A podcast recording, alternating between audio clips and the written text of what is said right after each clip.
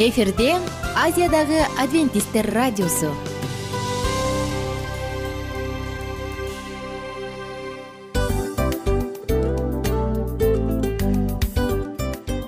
Достор салют. Баардык сүйүктүү угармандарыбызга салам айтабыз. Кутман күнүңүздөр менен.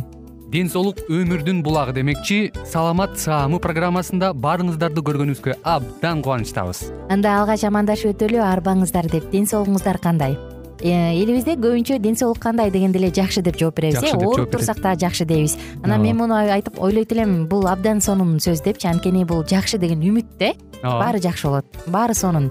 Деп үмүттөнүп атып эле өзүбүздү өзүбүз дарылап коебуз. Анысы кандай? Сиздин дагы ден соолугуңуз жакшы беш деген үмүттөбүз чындыгында ден соолук бул өмүрдүн булагы деп бекеринен айтылган эмес деп ойлойм. Кыргыз элинде анткени эгерде ден соолук жок болсо анда адамдын жашоосунда калган баардык керектүү маңыздуу нерселер өзүнүн баалуулугун жоготуп коет. Ошондуктан ден соолук бул эң керектүү нерсе. Ооба туура айтасың кесиптешим чынында ден соолугуң жок бир эки үч күн ооруп калсаң эле кандай болуп калат? Жашоодо көз каранды болуп каласың көп нерсеге жетишпей каласың көп нерсени кыла албай каласың жада калса эчке дүкөнгө да чыга албай каласың. Туптуура анан ден соолук болсо демек биз биздин бактыбыз тоодой деп койсок болот. Анда достор саламат рубрикабызды баштайлы. Алдыда өзүңүзгө керектүү болгон сонун кеңештерди уга аласыздар. Мына ошондуктан биз менен бирге болуңуздар. Ал эми биз болсо милан жана айнура. Кеттик алга. Алга саламат саама ден соолуктун жарчысы. Саламат саама ден соолуктун ачкычы. Күн сайын сиз үчүн мыкты кеңештер сонун жаңылыктар кызыктуу фактылар биздин рубрикада.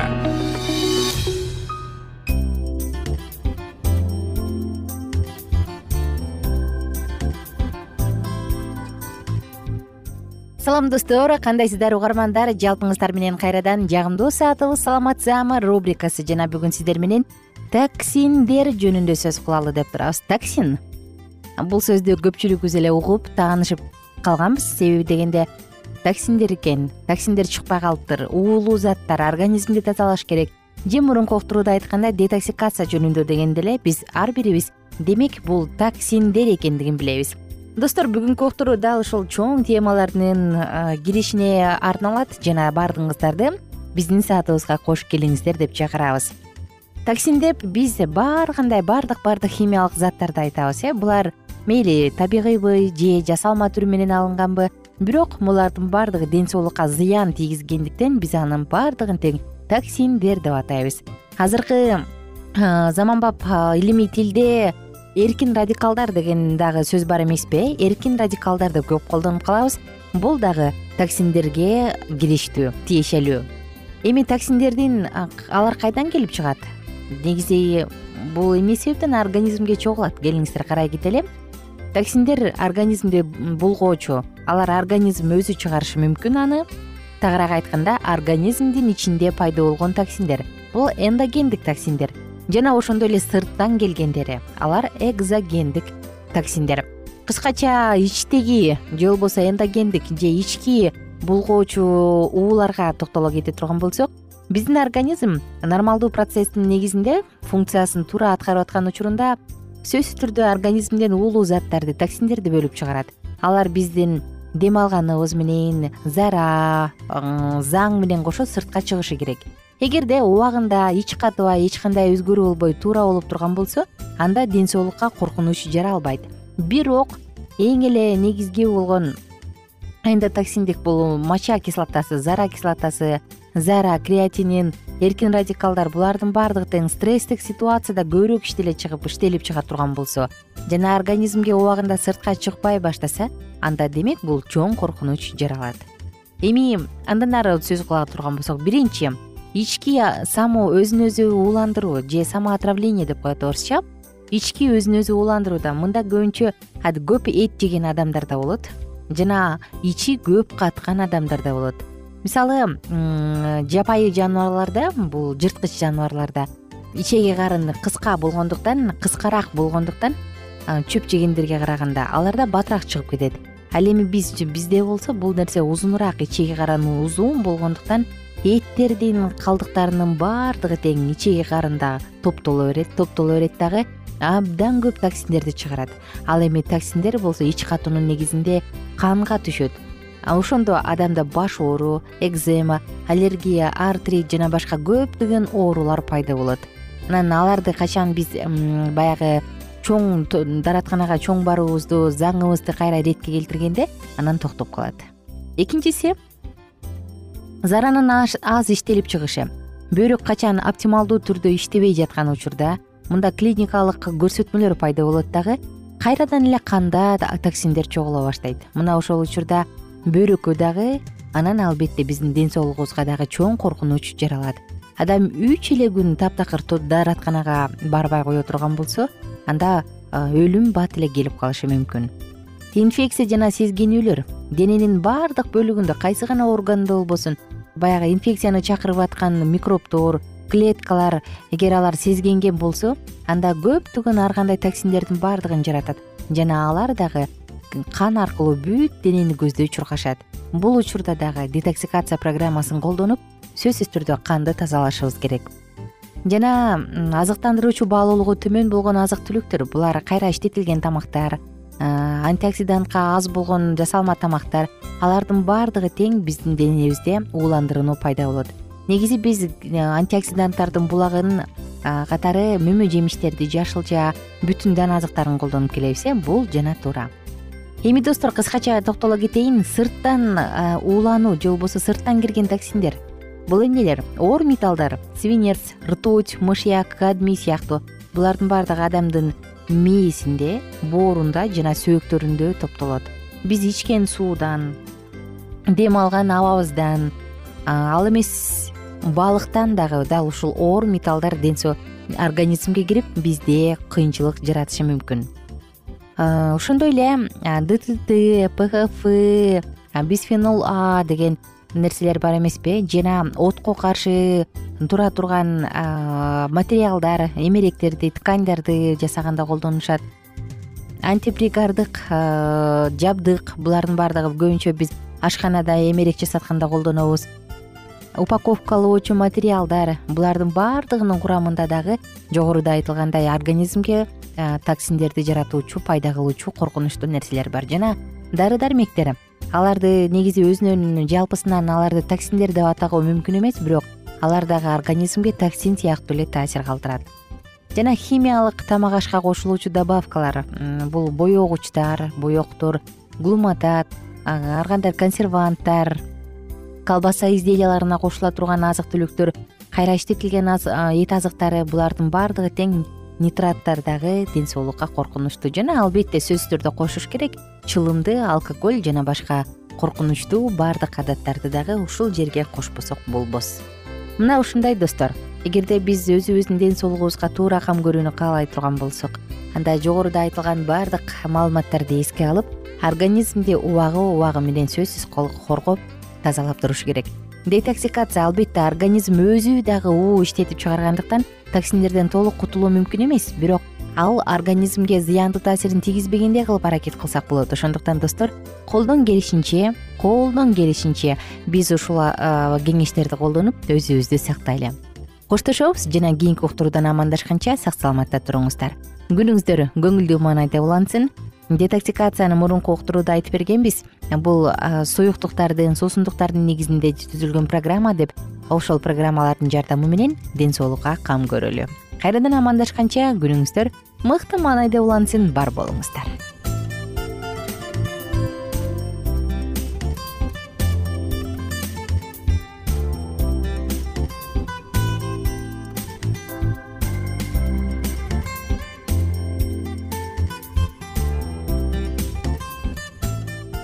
кененирээк маалыматтар үчүн үч w чекит саламат чекит клуб сайтына келип таанышыңыздар. Жана андан тышкары социалдык тармактарда youtube facebook жана instagram баракчаларына катталыңыз. Саламат саама ден соолуктун жарчысы. Саламат саама ден соолуктун ачкычы. Күн сайын сиз үчүн мыкты кеңештер сонун жаңылыктар кызыктуу фактылар. Биздин рубрикада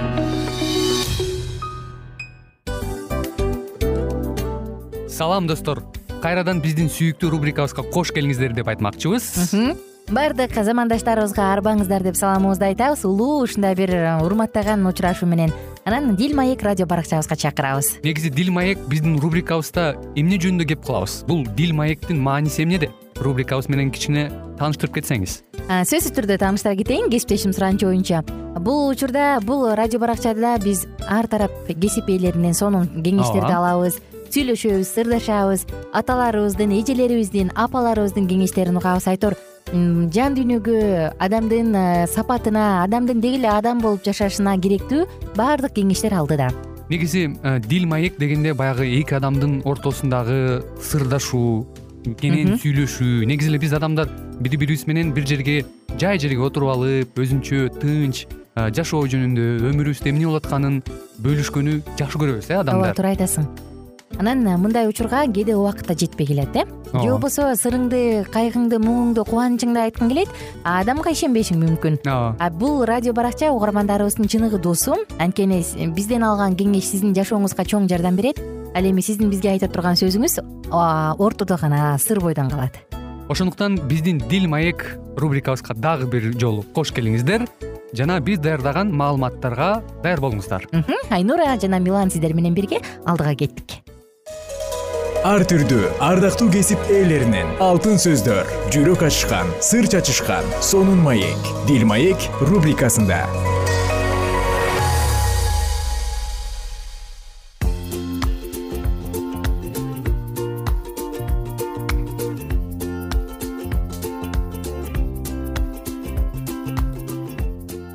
салют достор. Арбаңыздар кадырлуу кыргыз элим. Сиздер менен бирге жагымдуу саатыбыздабыз. Жана бул дил маек уктуруусу. Дил маек уктуруусунун башында эле сиздер менен айта кетчү нерсе биз жаңы циклды баштаганбыз. Махабат күнөө болушу мүмкүнбү? Достук сүйүү жыныстык мамилелер жана машаяктын артынан ээрчүү жөнүндө сөз кылабыз. Мурунку уктурууда жыныстык мамиленин бул жашоодогу орду кайсы кайсы жерде экени жөнүндө сөз кылганбыз. Ал эми бүгүнкү темада машаякчылыктагы орду жөнүндө сөз кылабыз. Жыныстык мамилелердин жашообуздагы орду машаякчылыктагы орду. Анда эмесе биз менен бирге болуңуздар. Жыныстык мамилелер боюнча машаякчыларда чектен чыккан эки ой пикир бар. Биринчи ой пикир боюнча аялы менен күйөөсүнүн ортосундагы жыныстык мамилелер тукум жаратууга гана багытталган.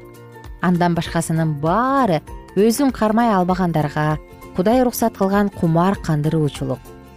Бирок библиянын окутуусуна туура келбеген чектен чыккан ушул позицияны аз гана адамдар карманышат. Мындай ырастоолорду библияга негиздөө мүмкүн эмес. Ошондуктан адам ата энесин таштап аялы менен биригет ошентип экөө бир дене болот. Бул сыр аябай терең. Менин айтканым машаякка жана жыйынга тиешелүү эфестиктер беш отуз бир. Өз ара макулдашкандан кийин орозо кармоо жана сыйынуу үчүн гана бири бириңерден убактылуу алыс болгула. Андан кийин кайрадан бирге болгула. Өзүңөрдү кармай албаганыңардан пайдаланып шайтан азгырып кетпесин. Биринчи корунтуктар жети беш.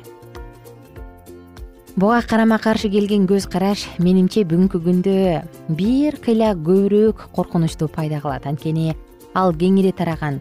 Аны көптөгөн китептер журналдар аркылуу жарыялашат. Эгерде экинчи ой пикирге макул боло турган болсок анда үйлөнбөгөн ар бир машаякчы депрессияга түшүшү керек болмок. Анткени ага мындай тажрыйбаны кылууга уруксат берилген эмес да. Толук кандуу жыныстык мамиленин кубанычын кемитейин деген кенедей дагы оюм жок. Анткени бул жерде кудайдын жубайларга берген белеги жөнүндө сөз болуп жатпайбы бирок мен жыныстык канагаттануусуз жашоо курулай кызыксыз жашоо болуп калат деген түшүнүккө таптакыр каршымын бизди толук канааттандырган чексиз бактылуу кылган жашоодогу башка кубанычтардын бири да тең келбеген бир гана кубаныч бар. Бул теңир менен болуу жана теңирдин ичинде болуу кубанычы. Бизди сүйгөн ар бирибиз үчүн өзүн берген теңир менен мамиледе болуу кубанычы бул кубанычка ар бир адам жаш улан да карыган чал да кедей да бай да оорукчан да ден соолугу чың да үй бүлөлүү да жалгыз бой адам да ээ боло алат. Теңирдин ичинде болуу кубанычын билбеген машаякчыларды аяса болот. Анткени аларда кубаныч менен бакыттын эталону жок. Алардын экинчи же үчүнчү орунда турган бул дүйнөнүн кубанычтарына жабышканына таң каларлык эмес ал кубанычтарды да кудайдын колунан ыраазычылык менен кабыл алып колдонушубуз керек дегилечи. Бирок аларды кудай өзү ар бир баласы үчүн сактап койгон чыныгы кубанычка салыштыруу мүмкүн эмес. Пабыл римдеги түрмөдө филиппилектерге кат жазган учурда үй бүлөсү эле жок болбостон өтө оор шарттарда жашаган. Ошого карабастан биз жаңы келишимден борбордук темасы кубаныч болгон теңир менен кубануу жөнүндө көп айтылган башка кат таба албайбыз. Анын себеби пабылдын мен үчүн өмүр машаяк ал эми өлүм утуп деп айткан алганында. Теңир өзү анын жашоосунун маңызы жана толуктугу болгон. Пабыл өзү жөнүндө мен бардыгын алдым менде бардыгы бар деп айта алган анткени ал машаякка ээ болчу. Ошол себептен сырткы шарттар ал үчүн анча деле мааниге ээ эмес болчу эгерде жаңылбасам ева тиле винклер бул ойду өтө сонун сөздөр менен таамай айткан. Чыныгы кубаныч сырткы шарттарга көз каранды эмес анткени анын соолугубуз булагы кудайда. Азыркы замандын машаякчыларынын көпчүлүгүнүн эң негизги кемчилиги теңир ыйсаны сүйүү деген эмне экендигин өз баштарынан кечиришпегендиги экендигинде толук ишенем. Мына ошондуктан теңир менен болуу кубанычы жана өзүн куткаруучуга толугу менен арноо бүгүнкү күндө өтө сейрек кездешет. Бир нече ай мурун билефельдте бир досумдун үйлөнүү тоюнда болдум. Бул өтө чоң өтө жөнөкөй рухий майрамга беш жүздөн ашык коноктор чакырылыптыр. Нике кыйылгандан кийин конокторго тойду кыска докладдар ырлар жана башкалар менен улантуу мүмкүнчүлүгү берилди. Майрамдын ушул бөлүгү кызуу жүрүп жаткан учурда бир маалда жаңы күйөө ордунан туруп өзүнүн башынан өткөргөн нерсесин тойдо отургандарга айтып бере баштады анын аңгемеси мага жана коноктордун баарына чоң таасир калтырды. Күйөө бизге бир нече жума мурун колуктусунан үйүнө кайтып бара жатканда башынан кечирген нерсе жөнүндө айтып берди. Ошол учурда анын ой санаасынын баары колуктусунда болбоптур жолдо бара жатып ал кудайдын баласы болуу укугуна ээ экендигин куткаруучусу менен экендигин толук түшүнүп теңирдин сүйүүсүнө таң калып кубанып жашоосунда биринчи жолу кубанганынан ыйлап жибериптир теңир өзүнүн улуулугу менен даңкын ачып бергендигине кубанычы койнуна батпай түн ичинде көпкө дере уктай албай коюптур күйөө өзүнүн күбөлөндүрүүсүн төмөнкүдөй сөздөр менен аяктады. Бүгүн да менин кубанычым койнума батпай өзүмдү бактылуу сезип турам. Бирок ол бул кубанычты теңирим менен болгон учурдагы кубанычка салыштыруу мүмкүн эмес. Машаяктын артынан ээрчүү терең ыраазычылык жана кубаныч сезими менен коштолбосо кандай аянычтуу кандайча салмак көрүнөт хадсон тейлор кытайда миссионер болуп иштегенине бир нече жыл болуп калганда досуна мындай кат жазат. Эмне деп кат жазган кийинки уктурууда улантабыз. Ага чейин достор ушул бүгүнкү окулган темалардын үстүнөн ойлонуп көрүүнү сунуштайт элек сиздин жашооңузда жыныстык катнаш жашоо канчанчы орунда. Сиздин жашооңузда эмне маанилүү эмне биринчи орунда. Менин жашоомдочу. Келиңиздер ойлонолу дагы кийинки уктурууда кайрадан амандашалы ага чейин жалпыңыздар менен убактылуу гана коштошом. Күнүңүздөр көңүлдүү маанайда улансын. Бар болуңуздар бай болуңуздар жана көп жашаңыздар. Сиздин жашооңуз баталуу анткени сиз өзгөчө адамсыз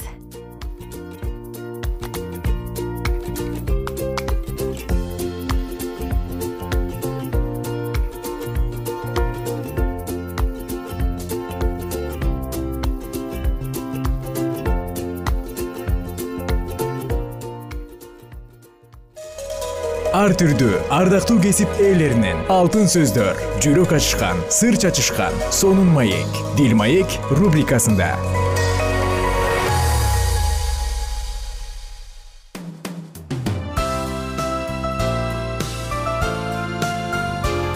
Эфирде азиядагы адвентисттер радиосу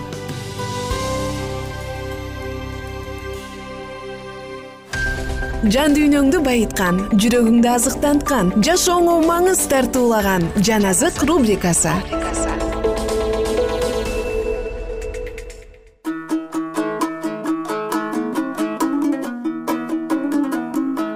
Саламатсыздарбы достор? Кадырлуу замандаштар жалпыңыздар менен амандашып биз сүйүктүү саатыбызды жан азык рубрикасын баштадык. Сиздер менен бүгүн дагы жан азык рубрикасында биз аюптун китебин окууну улантабыз. Мурунку уктурууларда аюпка кудайдын жооп бере баштаганын укканбыз э? Керемет сөздөр. Караңыздарчы мисалы карлар кампада камалып турат деп кармалып турат деп эч качан ойлобойсуң бирок кудай карларды кампада кармап турам дейт. Деңиздин толкунун мына сенин чегиң ушул жердеге чейин эле деп чектейин дейт. Караңыздарчы бүгүн жаратуучунун керемет жоопторун андан ары уланталы отуз тогузунчу бөлүм. Жетинчи аяттан ары. Ал көп эл жашаган шаарга күлөт. Айдагандардын кыйкырыгын укпайт. Тоолордон жем издейт. Ар кандай өсүмдүктөрдү издеп табат. Жапайы өгүз сага кызмат кылгысы келеби? Ал сенин малканаңа түнөйбү? Жапайы өгүздү аркан менен байлап алып жер айдай аласыңбы аны менен талааны малалай аласыңбы? Күчтүү деп ага ишене аласыңбы? Ага өзүңдүн ишиңди таштап кое аласыңбы? Ал сенин үрөөнүңдү кайрып кырманыңа жыйып берерине ишене аласыңбы? Тоз кушка кооз канатты. Төө кушка канат менен мамык жүндү сен бердиң беле. Ал жумурткасын жерге таштайт аларды кумга жылытат. Аларды бирөөнүн буту басып кетерин же жырткыч айбандар тебелеп кетерин унутуп калат. Ал өгөй балдарына мамиле кылгансып өз балдарына катаал мамиле кылат. Мээнетим текке кетет деп коркпойт. Анткени кудай ага даанышмандык берген эмес ага акыл да бөлүп берген эмес. Бирок ал бийиктикке көтөрүлгөндө атка да атчанга да күлөт. Атка кубат берип мойнуна жал чапкан сенби аны чегирткени коркуткандай коркута аласыңбы? Таноосунан чыккан кошкурук бир укмуш. Буттары менен жер казып күчүнө сыймыктанат куралга каршы барат. Ал коркунучка күлөт андан коркпойт кылычтан жалтанбайт. Үстүндө саадак кагылат найза менен кыска найза жаркылдайт. Жаалы келип турганда топурак жутат сурнай тартылганда ордунда тура албайт. Сурнай тартылганда куу куу деп кишенеп турат. Ал салгылашты жолбашчылардын катуу үндөрүн кыйкырыкты алыстан сезет. Туйгун сенин акылмандыгың менен учуп жүрөбү? Канаттарын сенин акылмандыгың менен түштүккө жайып жатабы? Бүркүт сенин сөзүң менен асманга көтөрүлүп аскага уясын салабы? Ал зоокада жашайт. Зооканын кырында. Эч ким бара албас жерде түнөйт. Ошол жактан өзүнүн жемин көрөт анын көздөрү алыстан көрөт. Анын балапандары кан ичет. Өлүк кайсы жерде жатса ал ошол жерде. Теңир сөзүн улантып аюпка мындай деди. Кудуреттүү кудай менен талашып тартышкан адам да үйрөтөбү. Кудайды ашкере кылган адам ага жооп берсин ошондо аюп кудайга мындай деп жооп берди. Мына мен эч нерсеге арзыбаган адаммын.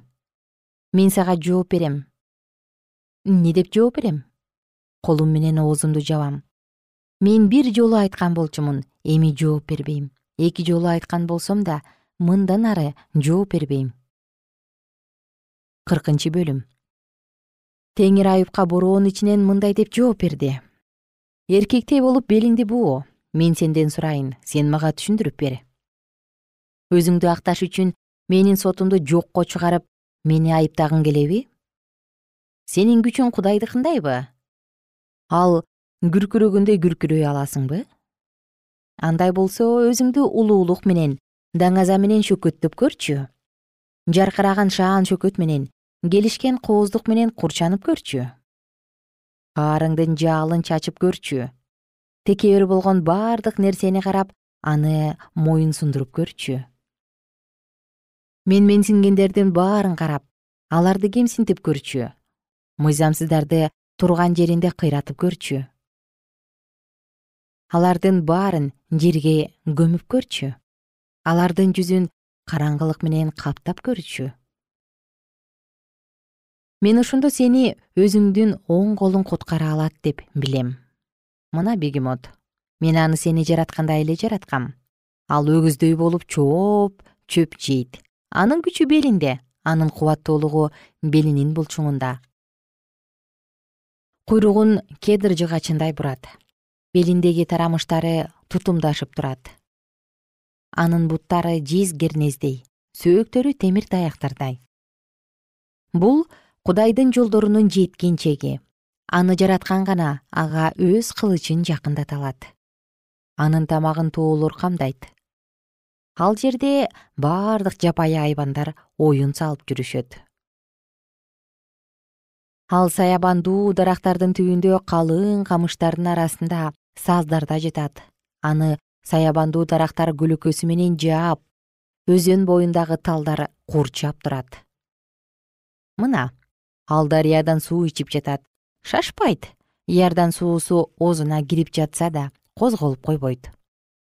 Аны өзүнүн көзүнчө ким кармай алат? Ким анын тумшугун темир илгек менен теше алат. Сен лебиатанды кайырмак менен тартып чыгара аласыңбы? Жип менен тилинен байлай аласыңбы? Анын таноосун тешип чүлүктөй аласыңбы? Жаагын ийне менен теше аласыңбы ал сага көпкө жалынып турмак беле сага жылуу сөздөрдү сүйлөмөк беле. Ал сени менен келишим түзмөк беле. Аны өзүңө биротоло кул кыла аласыңбы? Аны чымчык менен эрмектешкенде эрмектеше аласыңбы? Аны кыздарың үчүн байлап бере аласыңбы? Аны балыкчылар сатышат болду бекен аны канаан соодагерлеринин арасында бөлүшөт болду бекен анын терисин найза менен теше аласыңбы башын балыкка ыргыткан дегее менен сая аласыңбы? Ага кол салып көрчү. Күрөш жөнүндө унутпа. Мындан кийин мындай кылбайсың.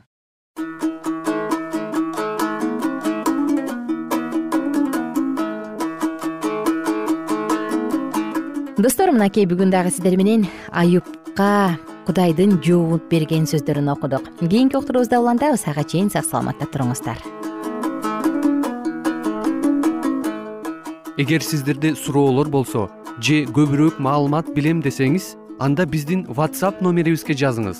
Плюс бир үч жүз бир жети жүз алтымыш алтымыш жетимиш. Кайрадан плюс бир үч жүз бир жети жүз алтымыш алтымыш жетимиш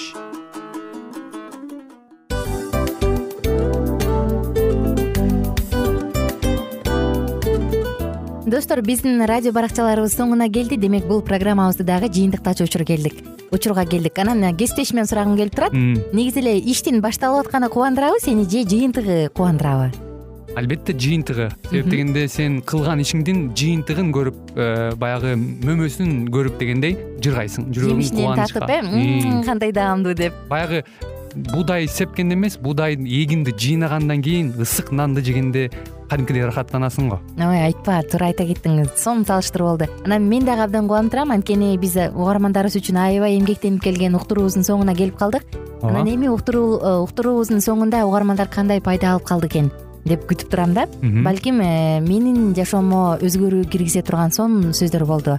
Мен ушул нерсени изилдеп анан кабыл албасам ушул нерсени кылбасам деген чечим чыгарсаңыз анда биз абдан кубанычтабыз. Сөзсүз түрдө андыктан кийинки биздин кызыктуу уктурууларыбыздан көрүшкөнчө сак саламатта калыңыздар. Чыдамсыздык менен сиздерди мен милан жана кесиптешим айнура күтөбүз. Баардык угармандарыбызга ийгиликтүү күн каалайбыз. Качан гана болбосун уртуңуздан жылмаюу кетпесин үйүңүздө көмүр жүрөгүңүздө көңүл болсун дейли